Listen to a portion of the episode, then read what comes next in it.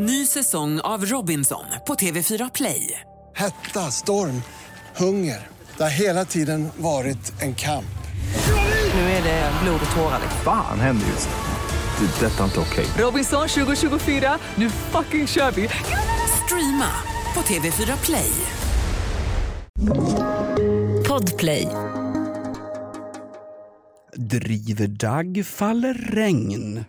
Skörden ska bärgas i studion Hans Wiklund. Detta var podden Off Limits som tog pojkarna från trottoaren till oanade höjder. De befann sig i samhällets topp.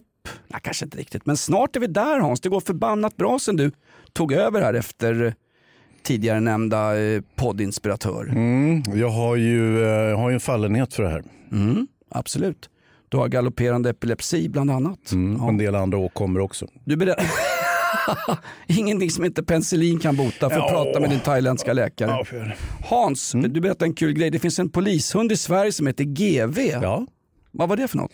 Alltså, grejen var att jag jobbade med Veckans brott med Leif GW Persson och då fick vi kon på den där hunden GV i, jag tror i Västsverige. Och eh, Leif GW själv var ju väldigt nöjd över det här och tänkte herregud det måste vara världens smartaste hund. Som en superpolishund det började han fantisera om.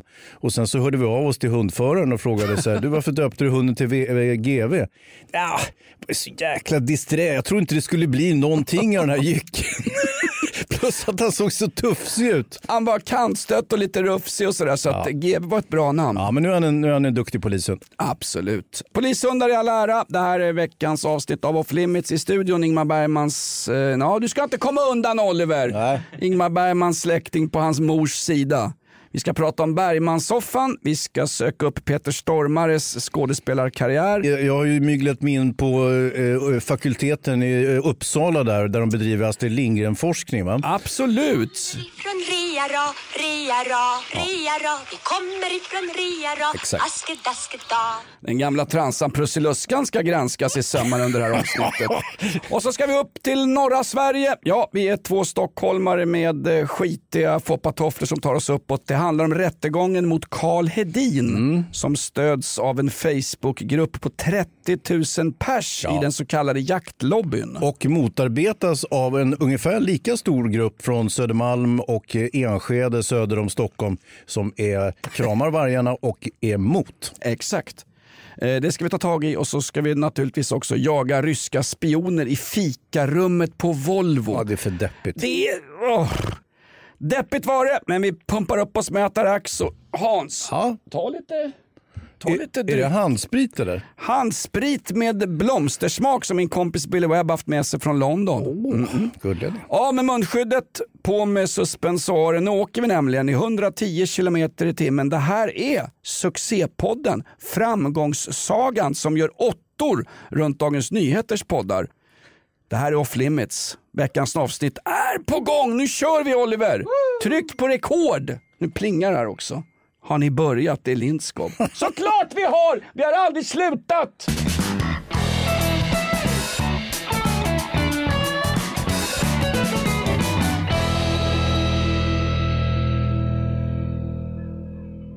Jag har ryska spionen, jag har lite krim. Du får väl stötta mig där jag faller pladask längs vägen. Rullar vi Bergman? Vänta, vänta, jag måste kolla lyssningen. Ja, lyssningen Inge först. Bergman kan ju ibland slarva med. Ja, det har krämat på faktiskt. Jaha. Du har krämat på, så sa de när jag jobbade på långvården också. Man hade lagt en riktig macka inne på något avdelningsrum. Jag tycker faktiskt det känns lite förmätet nu sådär när vi, ingen har överlevt långvård i Sverige efter corona och annat skit. Liksom. Obs, jag tillhör inte någon hemlig nätgrupp. Men jag har lite kritik mot svensk pandemihantering. Vänta nu, är du med bland de här 20 forskarna? Ja, det är så bra. Om någon, om någon har en åsikt om svensk pandemi som kanske inte riktigt överensstämmer med myndigheternas, då är man näthatare, troll och med i någon hemlig utländsk grupp. Ungefär som den här diplomaten. Jag ska bara säga så här, när jag jobbade på långvården, det var en nyttig lära för livet. Jag tycker vi skulle göra värnplikt på långvården inom Sverige och efteråt Ta inte allt så förbannat, eh, ja, nu, sitter jag, nu sitter jag med två kulturmän här som aldrig har sett eh, eh, trottoaren va. Jo, jo, jag, Gatans folk. jag träffade Ingmar Bergman bland annat. Ja, var träffade du Ingmar hör, denna gigant? Ja, det var på Dramaten va? där han huserade. Så Är det att jag har sett långvården också. Långvården på Dramaten. Mm. Hörru du, är det sant att det sägs att Ingmar hade en soffa utanför sitt kontor på Dramaten? Ja. Och i den soffan så var det ofta då samlag mellan regissörer och eh, unga blivande skådespelare och skådespelerskor. Man kunde få en roll om man skickade upp påkarna i Dramatens tak där och blundade en stund och lät någon, någon grisig regissör från Teater Galeosen Ja. göra sitt. Jajamän, men det, det, är inget, det är inget exklusivt för Dramaten utan eh, det har väl präglats showbusiness i alla tider att det har varit en sorts korsning mellan horhus och kyrka, eller hur? Ungefär som podden Off Limits. Ja. Vad var det de sa om den här vidriga, det var en mycket, mycket känd svensk programledare på tv som en gång sa han skulle få någon praktikant som skulle börja jobba för honom och så sa smaka på den här och hovla ner byxorna. Vet du vad den smakar? Lägg av sa hon. Den smakar karriär. Det är lite grann vidrigt. Oliver Bergman i studion, demonproducent. Eh, Vi pratar skit om dina gamla släktingar. Ingmar Bergman hör du som var, var det inte Bib, han var väl notoriskt otrogen va? Bibbi kommer en kaffe här. Bibi. Bibbi. Ja, nej, det, det, det är otrogen. Jag vet inte hur han var otrogen. Han bytte ju kärring, eh, fru så ofta så att han borde väl inte riktigt ha mäktat med det. Men fast man vet ju aldrig med de där kulturmännen. De kan ha en enorm stamina och potens och sådär. Så att, men jag tycker det där är mest skvaller. Jag, ska vi verkligen ägna oss åt, åt lumpet skvaller här Jonas? I, Ja. vi, har, vi har väl en, en ganska hög nivå på våra samtal normalt. Absolut, det här får ju de sjudderton i Svenska Akademien att framstå som eh, ja, en, en drängstugefest i det småländska 1600-talet någonstans. Ja. Nej, men faktum är att vi jobbar ju mycket med skvaller, andrahandsuppgifter och rent skitsnack och trash talk men vi förklär det ju i någon slags språklig ackuratess och liksom Oliver Bergman med sin bakgrund, med sin högadliga Östermalmsbakgrund skulle inte sitta i den här studion om vi bara luktar liksom Johnnys senappruttar. Det måste vara en, en hög verkshöjd på något sätt och det tycker jag vi har lyckats med. Det går ju väldigt bra. Sen du tog över efter clownen Manne, förlåt mig Jakob Ökvist Hans, har vi ju slagit nya lyssnarrekord. Ja, det är kul, men nu tycker jag vi kanske kan spotta ut varandras könsdelar här. Det blir sånt jäkla, du vet. Apelsinrullande som man säger. Vad sägs om... Varför säger man apelsinrulla när man smeker varandra över ryggen? Det vet jag faktiskt inte. Första gången jag hörde det var häromdagen. En, vår väninna från Göteborg, Linda, som sa det. Hon som jobbar med oss i morgonprogrammet Morgonrock från 5.30 till 9 varje morgon. Det här är en promotion puff. Hon sa sluta rulla apelsiner och det var ungefär som man, när man berömmer varandra. Ja. Sånt där som är så viktigt i, eh, ja, på bastuklubbar, i, eh, på Volvo till exempel. Fantastiskt den här stora rättegången nu mot eh, en gammal konsult på Volvo och en gammal konsult på Scania som då har jobbat och sålt Spionhistorier. Ja, alltså jag vill att spioner ska vara vackra kvinnor, ståtliga transpersoner, kanske någon smygfet liten Bosse Hansson på något utegym i Florida. Här är det liksom, de träffades på Harrys krog i Varberg. Det är för dåligt. Han fick ett kuvert med 10 000 spänn. Alltså någonstans, det blir så torftigt. Han har alltså suttit den här konsulten och överhört snubbar som har suttit i fikarummet på Scanias fabrik. Och så har han tagit den informationen som konsult och gett till den här, vad hette han, Umojenko, han som vi skickade ut här. Den Ja, diplomaten. toppdiplomaten som var också hög inom, jag vet inte vad GRU heter nu, det heter väl inte... De har döpt om det till någonting, men det är fortfarande den sovjetiska underrättelsetjänsten. Åh, förlåt, den ryska. Hur som helst. Det är samma personal! Ja, det är det. Men grejen är så här att det är så långt ifrån. Kommer du ihåg Stig Wennerström? Va? Ja. Vilken fin spion ändå. Ståtlig, stilig, högt dekorerad militär. Det var ju, En liksom- femtekolonnarnas George Clooney, han kunde ha gjort näskaffe-reklam. Ja. var ju vacker som en dag. Ja. Morsan hade ju honom som frikort. Vet du. Jo, hon... Ja, ja visst. Ja, och så torskade han på att hushållerskan gola ner han. Det var ju ja, just snyggt det. Men, men det var ändå så att säga en spion var en spion på den tiden. Och det var också militära hemligheter som, som vidarebefordrades till, till främmande makt. Det var Och, eh, mikrofilmer under förhudar. Det var liksom lite Ja. mer avancerad James Bond-teknik. Så Ja. vill man att det ska vara. Ett, ett, ett Postnord-kuvert med 10 000 i på Harrys krog i Varberg. Ja. Exakt så har åklagaren framställt det i den här rättegången.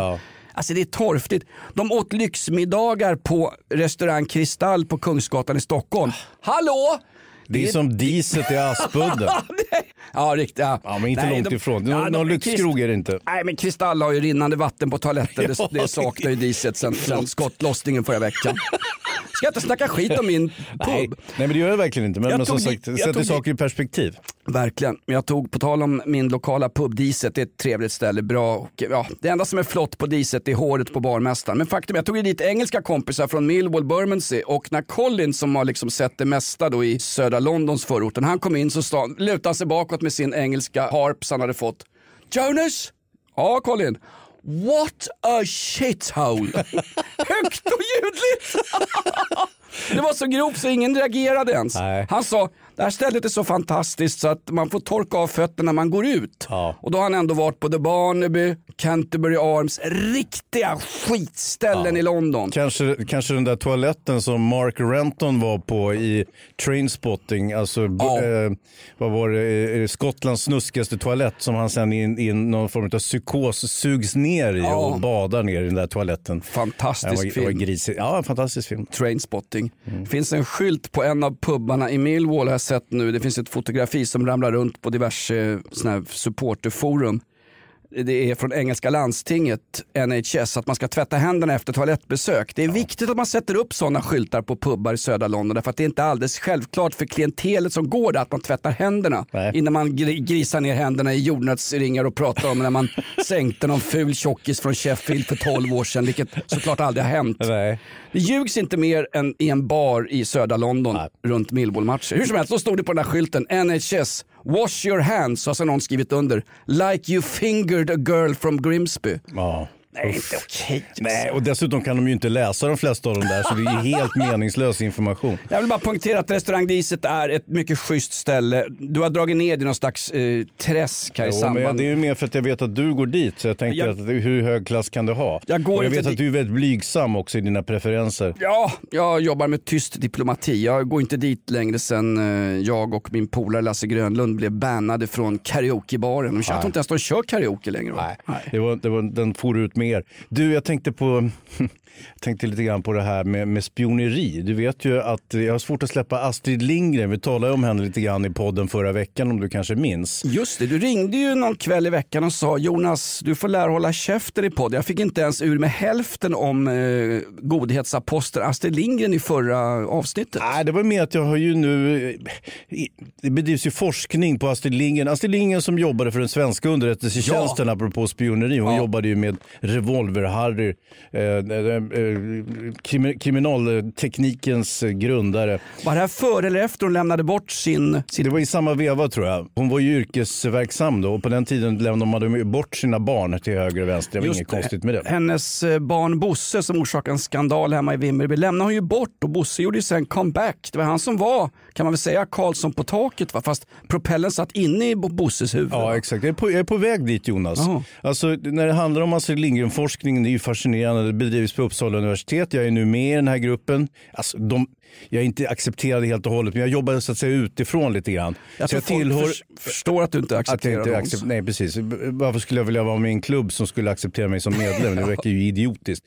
Nåja, det finns ju alltså 670 stenogramblock eh, som eh, Astrid då kletade ner med sina så kallade krumelurer så skrev hon ju någon form av första utkast till alla sina eh, litterära alster, eller hur? Det fanns ju, som det finns även idag på statliga eh, myndigheter, en satans massa dödtid för personalen. Idag sitter man på Tinder och Grindr och så Ja. spelar man eh, harpa och skit på nätet. På den tiden satt man och gjorde anteckningar, skrev böcker och romaner. Ja. Ungefär som Thomas Bodström sitter och gör på sitt eh, advokatkontor. Han skriver ju deckare på arbetstid. Och Astrid Lindgren skrev Karlsson på taket bland Ja, annat. ja. Och då eh, går man ju in i de här st- stenografiböckerna och försöker dechiffrera dem.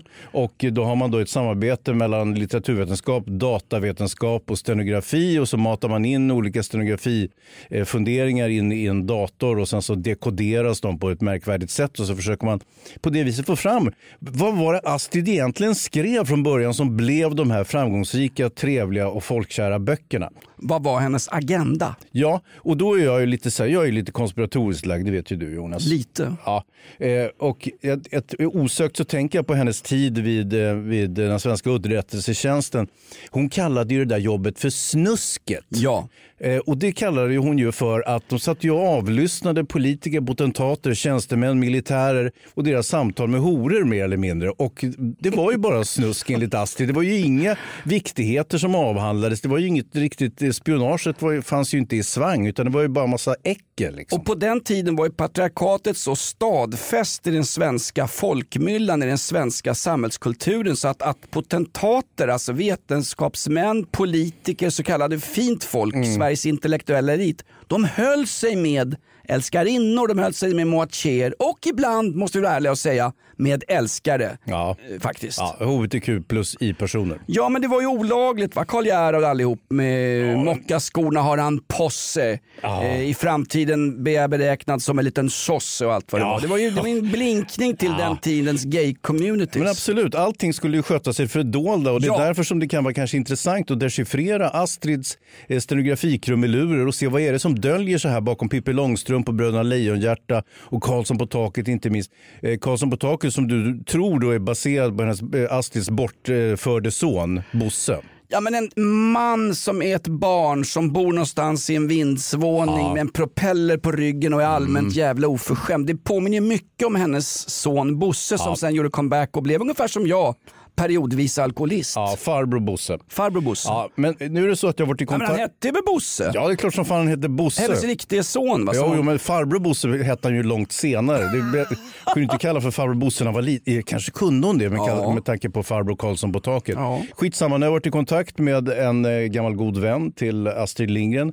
Och eh, hon eh, vill inte vidgå den här beskrivningen som jag hade förra veckan när jag sa att det är möjligt att, att Jonathan och Skorpan att de är nazister. Det, det trodde hon inte alls på. Och hon kände Astrid, alltså personligen. Så att- Oj. och, och då menar hon att så här, nej, det där var bara snicksnack. Och då tänkte Vem är jag, du har pratat med här när du går runt och får, du får ju flashback och verkar som Vetenskapsakademin. Är det Madicken du har pratat med igen i dina spritånger ute på Ingarö?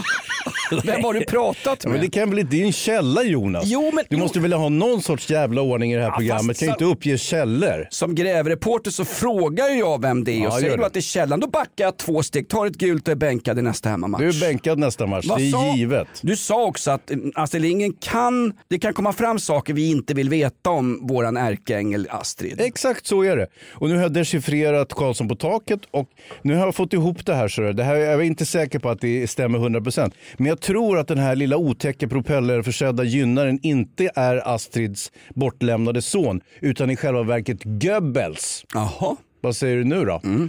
Goebbels bodde på Odengatan där, precis bakom hörnet från Dalagatan där Astrid ju eh, framlevde se, se, senare delen av sitt liv i alla fall. Här måste jag gå in och göra som Ernst Röhm under eh, Nürnbergrättegångarna Mm. eh, då han var avliden sedan många, många år. Du menar nu Hermann Göring. Ja. Göring var ju Sverigebekant. Ja. Du sa Goebbels. Sa jag? Ja, den gamla hönsodlaren som har plattfot på bägge fötterna och knappast hade platsat ens i Åh. Let's Dance i Det är 30-talstyskland. hopplöst. Äh, Nej, jag menar- Hermann Göring. Hermann Göring, krigshjälten som var, eh, höll till i Sverige, råkade börja förgifta sig själv med morfin och vart jäkla snurrig. Det är ju han som är Karlsson på taket. Ja, faktiskt. Kroppsligen så, han kallades ju för Dicke Hermann i det gamla Tyskland. När då Ja, tyska folk- Herman som man säger. Ja, tyska folk hade förstått att vi är lurade av en galen korpral med vykortsmålarambitioner från första världskriget och hans tjocka satans Ja. gangstergäng. Ja. Va- Varför inte? Alltså det var ju en person som var, han var ju allom bekant, Hermann Göring. Mm. Ja, det var han ju, framförallt i Sverige och eh, Astrid hade säkert bra koll på honom. Så att, eh, min gissning är att det här är en sorts eh, pedofil-göring och han försöker ta av lillebror hans pyjamasbyxor. Och så när han, du vet när, när lillebror säger jag vill ha en hund så kommer Gö, eh, eh, Göring in och säger ja massor med hundar uppe på mein, mein Ruf. Karin Hall, Ja, Karinhall, där har jag File. Vad fan heter hunden? Hunde. Yeah. Ja, det sägs ju självt Jonas. Jag är så klen. Alltså jag skäms ju för, för mitt tyska arv när jag inte kan eh, så mycket tyska så jag kan säga hundens. Men vad, har, vad är hon inspirerad av då? Karlsson på taket är egentligen en ganska motbjudande person men Mm. liksom alla Astrid Lindgrens figurer, där kan liksom utan stenografi, krumelurer och 300 forskare med för höga anslag på Ja, det kommer kosta lite som du förstår. Jag förstår. Tre års forskning. Samtliga hjältar i Astrid Lindgrens sagor Mm. från början är ju antihjältar. Pippi är ju direkt oförskämd, Mm. hon bor själv, är väl eh, tjuv. Ja, Hon man motsätter sig skolsystemet. Ja. Karlsson på taket, han är ju direkt oförskämd mot den här lillebror. Han behandlar är honom ungefär som han vore Örjan Ramberg på någon dejt på Tinder. Det är Ja. inte okej. Nej, och sen är det ju så där med Tommy och Annika och eh, lillebror, de, de vill man ju ge en örfil för de är så förskräckligt menlösa och trista, eller hur? Ja. Så det är ju de här antihjältarna man blir förtjust i. Det De är utan som svenska handläggare på Migrationsverket. De vågar liksom inte säga till när någonting har gått lite överstyr på något sätt. Nej. Lite så är det. Så att, eh, okej, men nu- vi lämnar Astrid tycker jag. Eh, forskningen ska alltså vara klar 2022 vid Uppsala universitet och då får vi förhoppningsvis veta lite närmare vad de här krumelurerna egentligen betyder. Och det kan vara så att Astrid Lindgrens gamla väninna har rätt att jag inte vet vad fan jag pratar om. Det här är ett betalt samarbete med Villa Fönster. Du behöver lite mer tryck nu Jonas. Tryck! Villa Fönstersnack med Linnea Bali. Villa, villa, fönster, fönster, fönster med Bali, Bali, Bali. Jonas, nu tänker jag lära dig lite om Villa Fönster. Lär mig baby. Villa Fönster är en rikstäckande leverantör av fönster och dörrar till dig som konsument och byggföretag. Och vet du vad Jonas? Vadå? Jag har en spaning. Ja. Det som gör dem så unika är att de har Sveriges bästa leveranstid. Ja, det går undan har jag hört va? Ja, det gör det. För man tänker kanske som konsument här, åh nej, det här kommer ta så lång tid. Men inom tre veckor alltså så har du ett svenskt nyproducerat fönster som är redo för omgående avhämtning eller leverans. Oj, oj, oj, inom tre veckor. Är det inte så också, jag har hört ryktena, de har Sveriges största fönsterlager va? Ja, med 500 olika varianter av fönster. Och eftersom de allra flesta av oss vill ha olika storlekar på fönster så kan Villa Fönster dessutom göra anpassningar såsom spröjs, spaltventil med mera. Oj, oj, oj Linnea, du övertygar här. Du vet inte vad en persedel är för någonting, men spröjs och spaltventiler. Här har jag nästan läst på universitetet om det här. Ja, och är det någon som har koll så är det Villa Fönster. Historisk referens här. Har du? Ja, alltid. Ända sedan 2008 så har Villa Fönster alltid haft visionen att erbjuda kvalitetsprodukter till rätt pris och kortast möjliga leveranstid. Ja, jag är nöjd Men vadå? med vårt Villa Fönstersnack. Villa Fönstersnack med Linnea Bali. Villa, villa, fönster, fönster, fönster med Bali, Bali, Bali. Tack Villa Fönster. Ny säsong av Robinson på TV4 Play. Hetta, storm, hunger. Det har hela tiden varit en kamp. Nu är det blod och tårar. Fan händer just det. Det är detta inte okej. Robinson 2024, nu fucking kör vi! Streama på TV4 Play. Aj, aj, aj, det kluckar i rören. Men det är väl inget att bry sig om? Jo, då är det dags för de gröna bilarna. Spolarna behöver göra sitt jobb. Spolarna är lösningen. Ah, hör du? Nej, just det. Det har slutat. Sälja bilen? För dåligt betalt av din traditionella bilhandlare? Växjö Bilförmedling hjälper dig. Vi börjar med en kostnadsfri värdering. Tänk vad skönt att slippa tvättning, fotografering och ta hand om alla tänkbara och otänkbara köpare. Se vår instruktionsfilm på Facebook om hur det fungerar och anlita oss. Växjö Bilförmedling.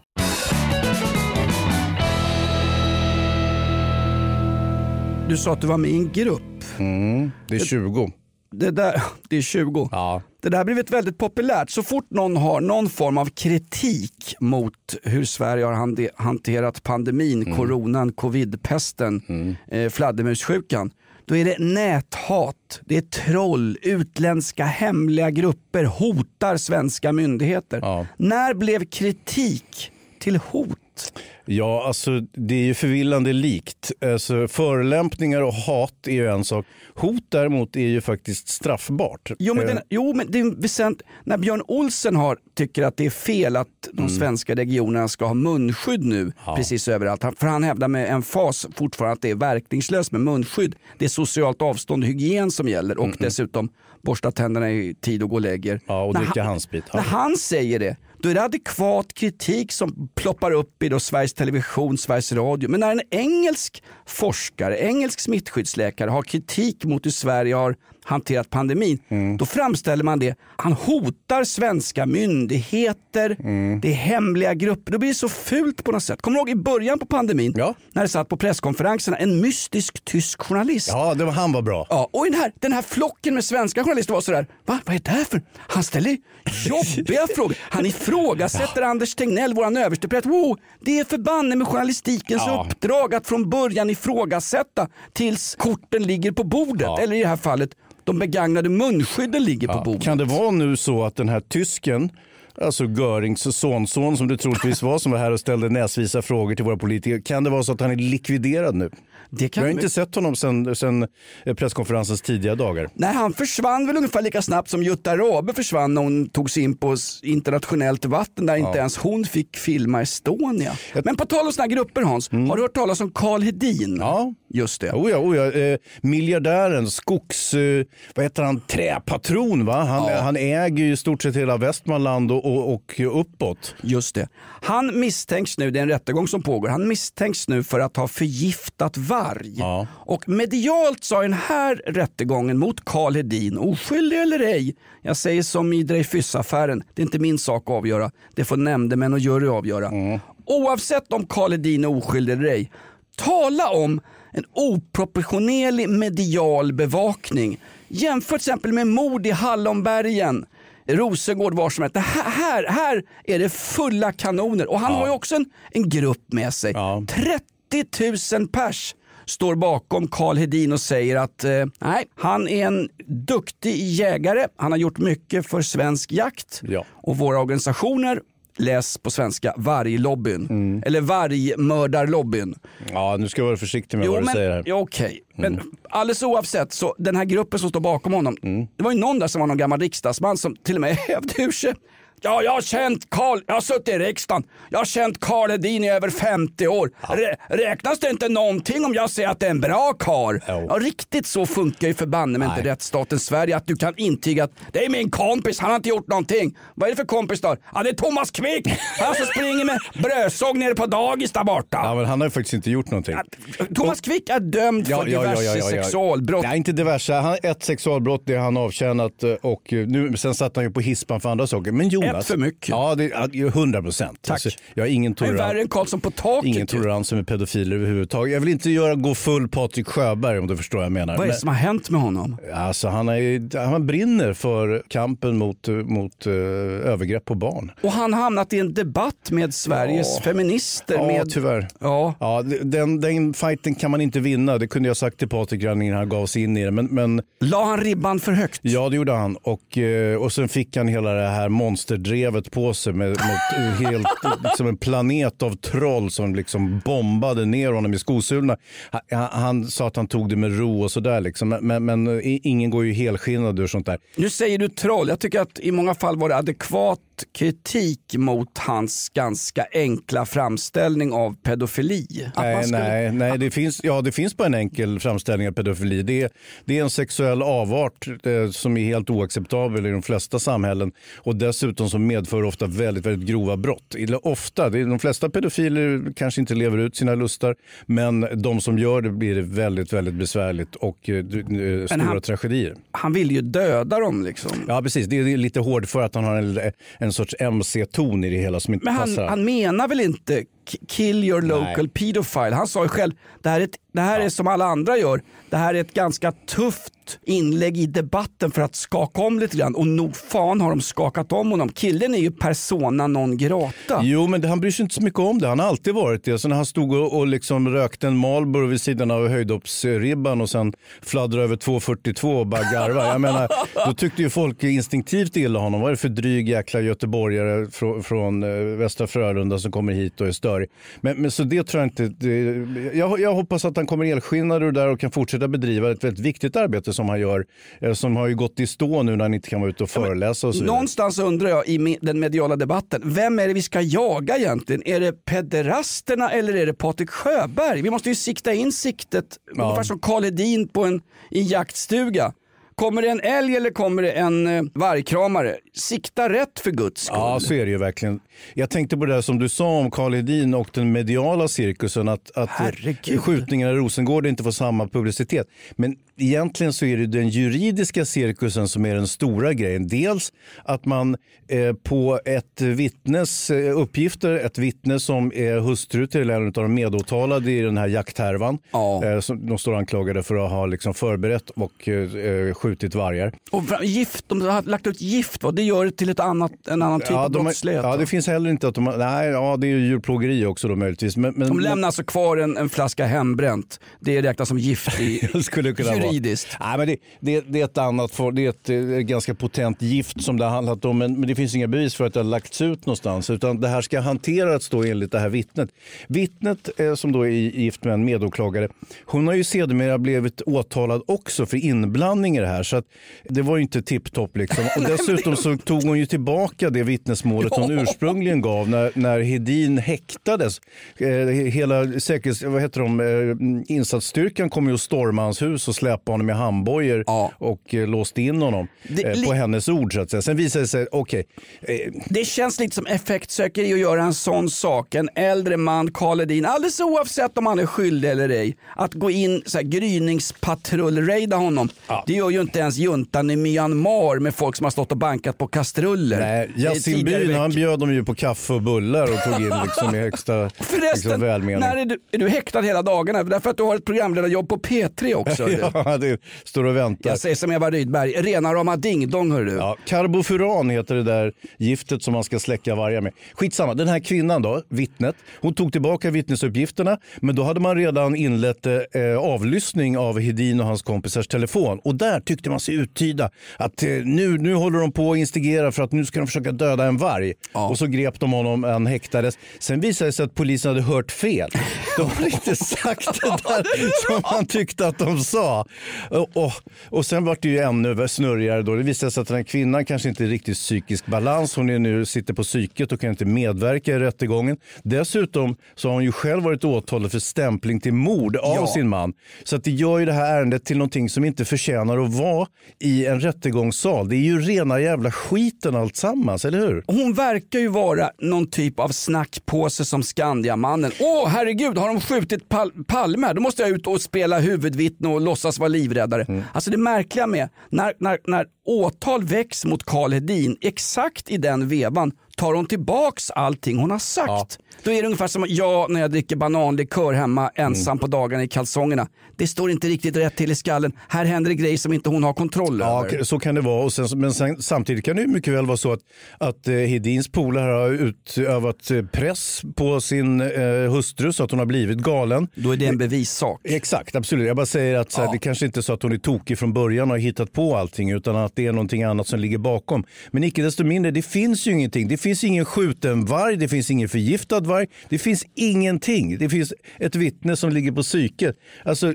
som åklagare, hur du kan dra den här skiten för miljontals kronor genom liksom tingsrätten och så småningom säkert hovrätten där de kommer bli friade. Det är ju en gåta. Va? Är det inte märkligt också att ibland känns eh, det i Sverige att när det är någon rik fan som har mycket pengar och det vi kallar för makt, då kan rättsstaten gå hur långt som helst. För den där satan, när vi har liksom jantelagen skriven i eldskrift över Svea rikes lag, vår lagbok, någonstans, en rik fan, den ska vi plocka ner. Jag säger ingenting, jag ska inte tjata om Karl Hedin liksom. Han är inte ens släkt med Sven Hedin. Nej, det är konstigt. så Det hade man ju hoppats. så vi hade något att gå på. Har han ingen vargkeps ens? Jo, det lär han väl ha, men grejen är att... Det, Det blir alltså- liksom Stockholms vargkramare i Gamla stan med Daniel Heldén och vi som tycker att vargen ska få vara i sitt naturliga habitat. Jo men säg det när du har fått tre hundar ihjälhuggna och, och 60 får och det är va- blodtörstiga vargar ute. Då får vi, om vi ska ha varg, då får vi kontrollera det. Alltså. Ja, jag, jag tycker också, vi kan inte blanda oss i det här, men det är enorma motsättningar mellan eh, jägare, folk på landet och folk i stan. Den här Ja. motsättningen mellan land och stad, den är ju en klassisk svenskt di- di- eh, dilemma. Det har Ja. alltid funnits. Men den här ställs sig på sin spets och i modern tid av de som vill skjuta av vargen för att det förstör tamboskapen och förstör jakten. Och eh, var- vargarna anses ju vara väldigt blodtörstiga. De dödar för nöjes skull och så vidare. De river hundra får och äter upp en, ett, öra. Liksom. Men sen har du, som du säger, Daniel Heldén och det här kommunistpatrasket på, på i Enskede söder om Stockholm. Gamla stan. det. Ja, ja, Gamla stan och Södermalm Kan inte alla promenera till jobbet? Det vore bra för miljön. Det kanske inte går snälla MP! Va? Fixa en frisyr till Amanda Lind istället. Så, ja, precis. Så stäng, ner, stäng ner den här parodin till rättegång till att börja med. Sk, sk, låt eh, Hedin gå i sin farfars fotspår. Fan vad synd att det inte är hans farfar va? Sven Hedin ändå. Sven Hedin som sprang runt och gjorde high-five på Olympiastaden i Berlin ja. 36. Mätte skallar i Afrika. ja, exakt. Mätte skallen på Roger Pontares farfars far uppe i Övertorneå eller vad det var. Sam, förlåt, samerna har ju också en roll i den här jävla härvan. Det är Ja. ju det som gör det ännu värre. Jag skulle, precis, jag skulle precis ta mig till den lilla G-punkten som börjar vibrera. Det finns ju en samisk, det finns ju en, en minoritetsaspekt på det här också. Karl Hedin är ju etnisk svensk och det finns ju en, finns en laddning i det också. Liksom. Då, ska, då ska ju fanskapet rivas ner. Dessutom har han den- dåliga smaken att vara vit och medelålders också. Va? Ja, så, ja. så, han är ju svensk. Men du sa att, att vargen dödar för sitt nöjes skull. Så Mm. Klassiskt jävla jägarargument. Det finns inga djur som gör någonting för sitt höga nöjes skull. skulle möjligen vara när man gick på Skansen i småskolan. Ja, de där aporna. Det satt en schimpans och ner i ansiktet Ja. på våran fröken. Det gjorde ju apan för att han tyckte det var roligt och han fattat vilka är det mest synd om. Barnen kommer garva. Exakt, vilka är det mest synd om här? Den här tråkiga jävla skolklassen med deras fula tjocka fröken eller vi som sitter inspärrade på livstid på det här berget? På Vet du vad? Jag går fram och drar lite grann i snorren så tycker åtminstone ungarna att det här är lite roligt. Ja, så det Var- finns djur som gör saker för nöjes skull kort sagt. Nej, men, ja, men vargen dödar inte för nöjes skull. Vargen dödar för att eh, visa för andra vargar inom reviret, om det nu kommer in varg i, i den första vargens revir, att visa att ja, här regerar jag, här fäller jag byten. Jag har läst mycket om det, jag har tolkat Astrid Lindgrens krumelurer i må- många år.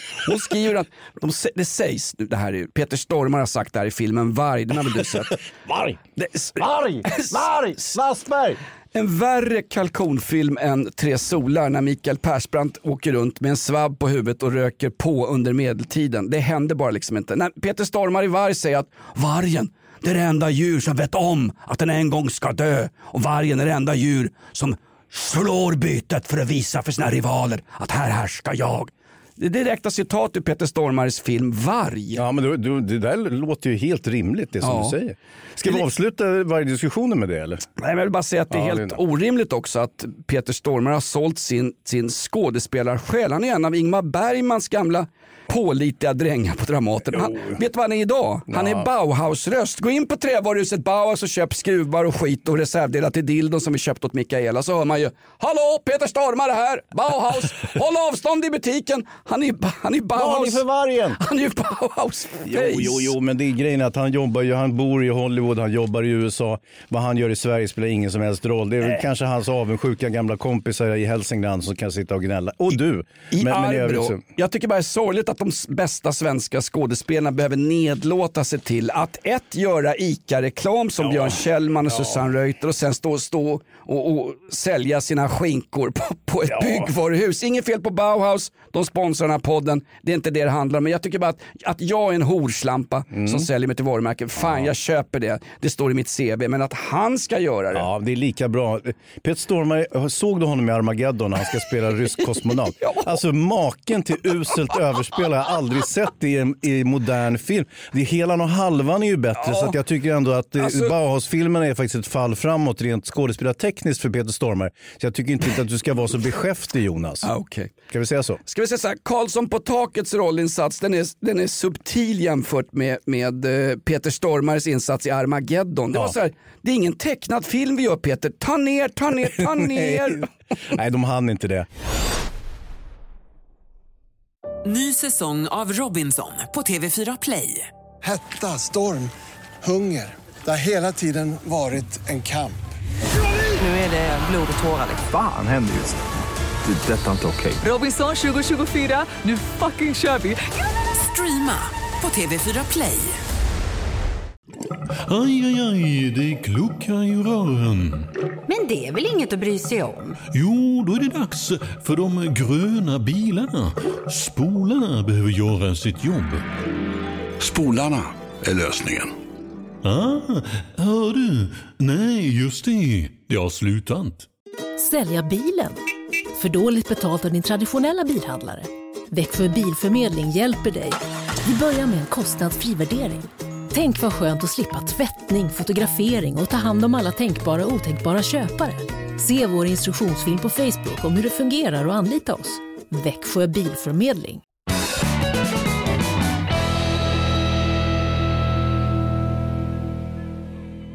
Du, jag tänkte, om jag får bli snäppet allvarligare Jonas, får jag Ja, absolut. Jag tänkte bara avrunda lite med pandemipratet där. Du vet, där, stanna hemma, håll käften, sitt still, hosta inte, träffa ingen, gå inte ut, träffa bara familjen. Ja, men jag har ingen familj. Det skiter vi. Men familjen vill inte veta av mig. Det spelar ingen roll, utan man ska göra det där så att säga. Det är som vi sitter på livstid hela bunten, eller hur? Och Tegnell är vår överläkare på Säters slutna paviljong och du och jag sitter i dagrummet här. Ska du hata honom nu? Nu ska du trolla och hata Anders Tegnell hör du. Men Anders, jag har ju inte gjort något. Kan jag få tidsbestämt straff? Nej, tyvärr. Viruset beter sig som ebola upphöjt till 10. Det är ett mirakel att vi inte har dött hela bunten. Jag förstår att han har gjort sitt allra, allra bästa. Och det var ju märkligt också i veckan när det kom siffror. Sverige var knallrött i hur vi hade behandlat vår pandemi. Och så som av en händelse så råkar det bara några dagar senare komma en färsk publikation från någon trist träkorridor inom EU där det stod att ja, överdödligheten i Sverige är faktiskt inte speciellt mycket högre än tidigare år så att Sverige har gjort ett riktigt bra jobb i pandemin. Den satans uppgiften fanns inte i någon tysk tidning. Jag läser ju Der Stürmer fortfarande. Ja, vet, eller, i, i gamla, eller i Londons svar på, på DN. Bara. Skitförnäma The Guardian. Ingenstans stod det någonting som överdödlighet. Det var bara de röda siffrorna att Sverige har gjort ett förbannat dåligt jobb i pandemin. Vi hade anpassat taktiken mot coronan helt oavhängigt till hur vår äldrevård ser ut. Och det, det är väl förbanne med det är inte MSBs uppgift, men det är väl någons uppgift att förbereda sig inför en pandemi med hur, så här är vår äldrevård uppbyggd. Jag ser varje dag hemtjänstpersonal som kommer åka runt med delat munskydd och springa in och ut i allmän ordning till våra gamla. Precis. Om de överhuvudtaget lever kvar, end of story. Ja. Grejen är en konsekvens som det här har fått oavsett vilket land och vilken hantering man har haft av pandemin så har det ju skapat väldigt mycket ensamhet, eller hur Jonas? Det har ju både du och jag känt av. Jag var ensam innan skiten började. Jag har blivit folklig. Nu sitter alla hemma i kalsongen och dricker Explorer. Ja, exakt.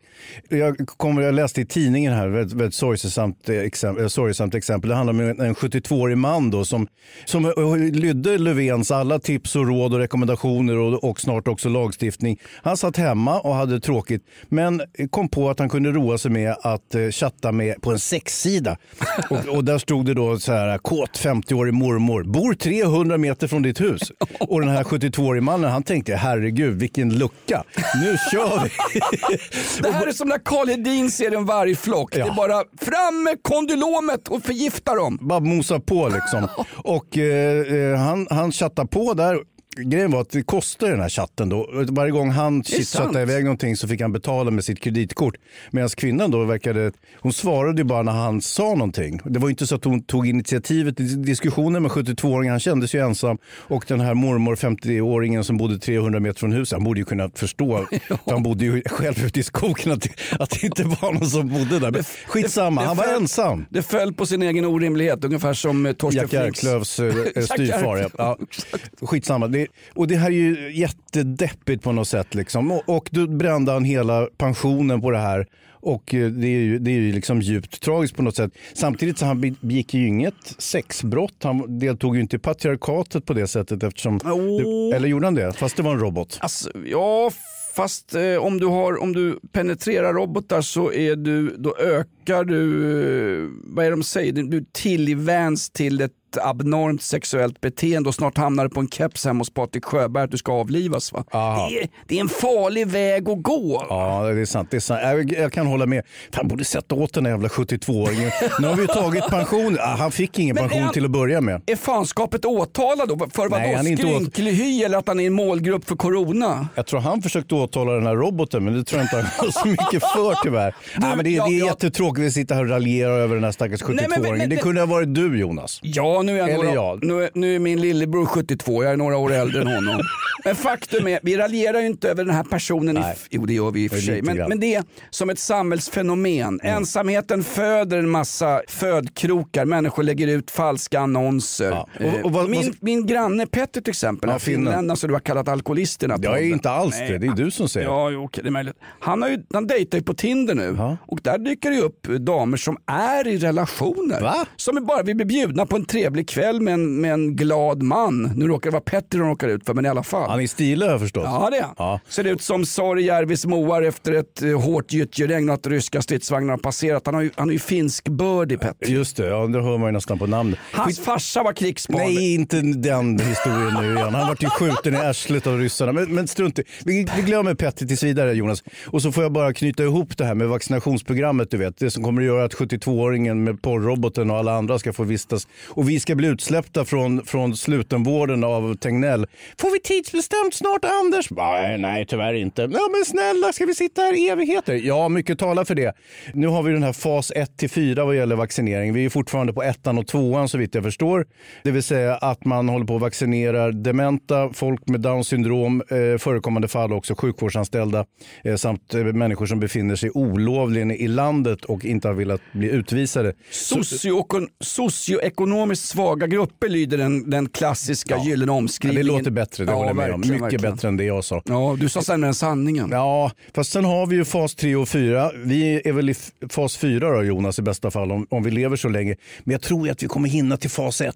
Alltså det vill säga vi kommer att utveckla down syndrom eller bli senildementa innan vi har hunnit bli vaccinerade. Det är i alla fall min gissning. Det vill säga kanske åtminstone en 20-30 år i framtiden. Ja, men eh, ja okej. Varför protesterar vi inte mot det här Jonas? Varför gör vi inte som i Spanien, Tyskland, Hongkong, Burma, Ryssland, Vitryssland? Varför går vi inte ut och kastar tegelstenar, har på svarta masker och molotovs cocktails? Vad gör vi här i Sverige? Kan du svara på det? Ja, inte är vi gula västarna som protesterar i Frankrike. Nej, på sin höjd skriver en insändare i Kamratposten, nu får det vara nog!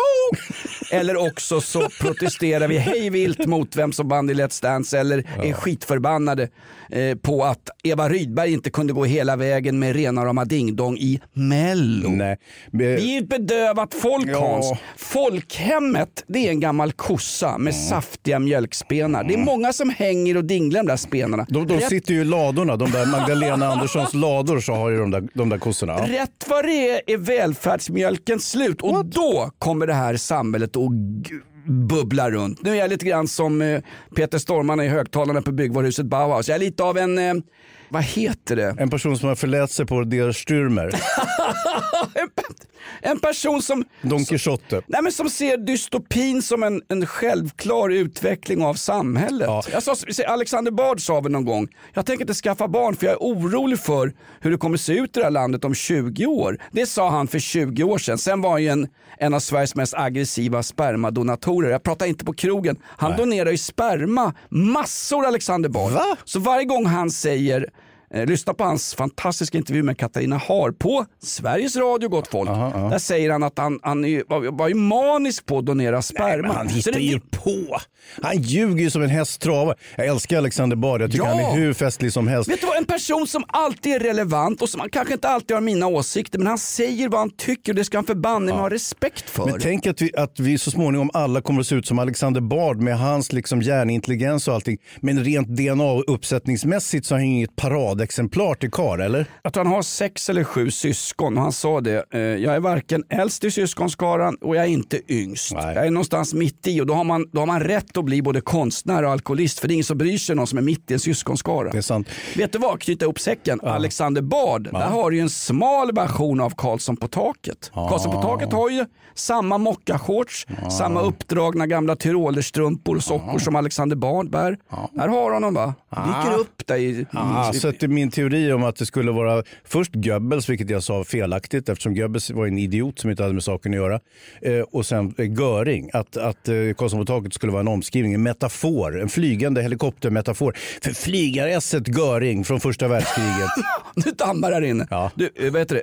Hermann Göring, när han sprang runt på sitt jaktslott nere i södra Tyskland, är exakt likadant klädd som Alexander Bard. Säcken ihopknuten. Säcken ihopknuten. Snart är vi 702 år gamla och sexchattar med robotar som vi tror är grannfrun. Får jag fråga den där gubben, hur dök han upp ens i massmedia? Är det en snyfthistoria att vi ska crowdfunda och ha någon gala på TV4 och samla in pengar till gubben? Alltså- Eller är det åtal? Är han uthängd i någon slags... Eh, jag tror han är, är Cissi Wallin ute efter honom eftersom karln har en sexualdrift? Ja, ja, det borde hon ju rimligen Ja. vara i och för sig. Men han, ja, han är ju hyfsat potent då som 72-åring. Men, men jag tror framförallt att det är ensamheten som har fått honom att begå det här felsteget. Men och det är dök inget jag- felsteg i, i liksom moralisk mening. I, jo, det är det ju såklart. Men, men, det är med att han har blivit blåst på massa pengar. Men han har ju gått in i det med öppna ögon. Han bara trodde att det var grannfrun. Det visade sig vara en robot, en så kallad sexrobot. Eller bot. Va?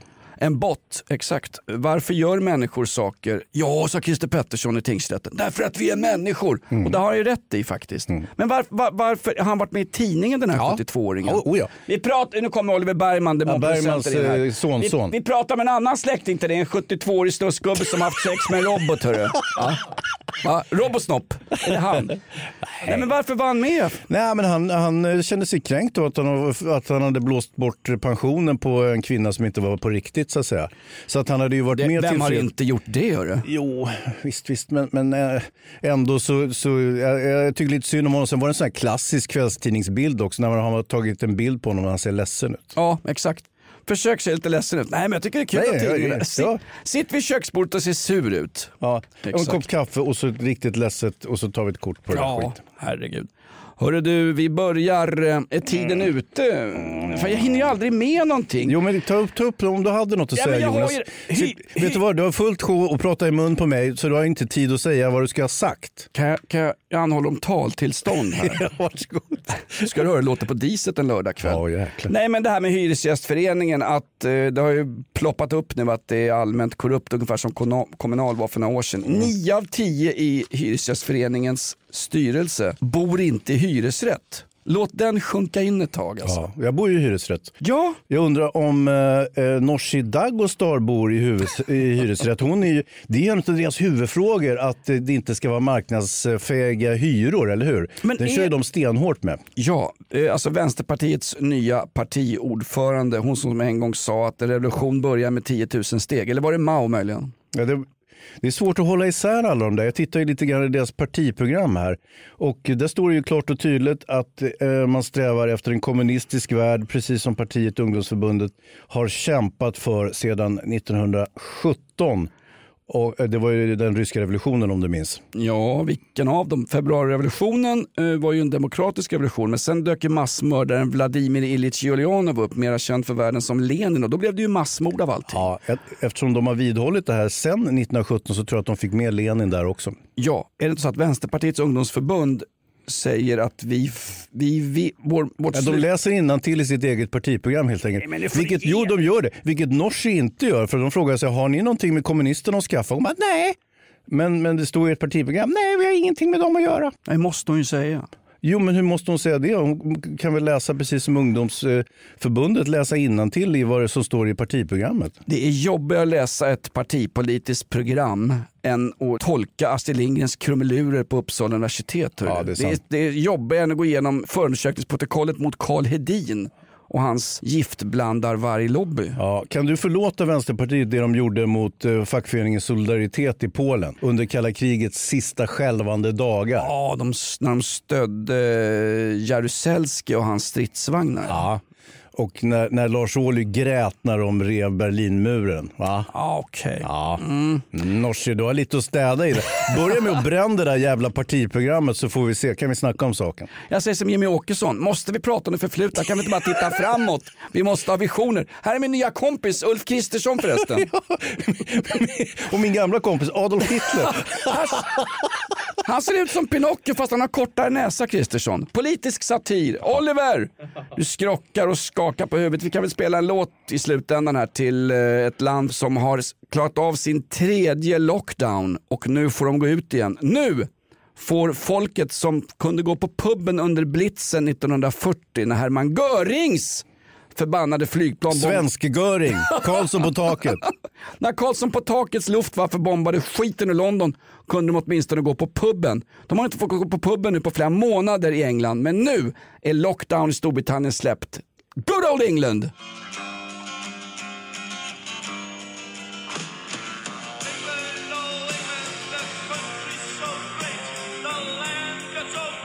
Lockdown funkar ju inte Hans. Det är ju mer döda i länder med lockdown per capita än vad det är till och med i pandemins och överdödlighetens Sverige. Min gissning är när vi stänger böckerna om tio år när pandemin kanske har börjat fasas ut så kommer man att märka ingen som helst skillnad oavsett vilka liksom, metoder man använt sig för att skydda sig mot pandemin. Kan det vara så illa? Jag är rädd för det Jonas. Okej.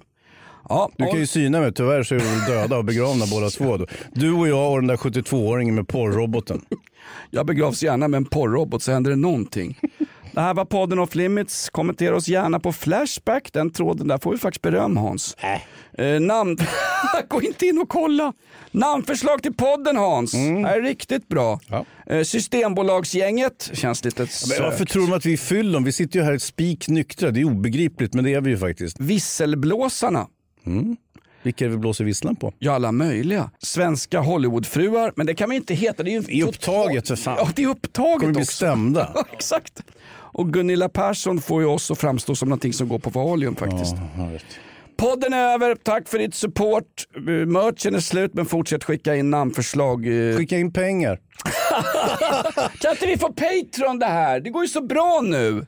Bergman. Ja, om ni vill så Är det sant? Vad är Patreon? Patreon är att man öppnar ett konto så betalar folk rakt in in blank ungefär som en spion på Volvo när eh, ett kon- man, Kan du swisha ryska ambassaden pengar? Såklart jag kan. Ja, ja, men vi kan ju panta burkar också. kan vi absolut göra. Du säger att du är nykter Hans, men jag tar mig en liten sista här. Ja, varsågod. Mm. Ah! Oh! Verkade. Ja, jag fick den. Karlsson på taket med is. Prova gärna där hemma gott folk.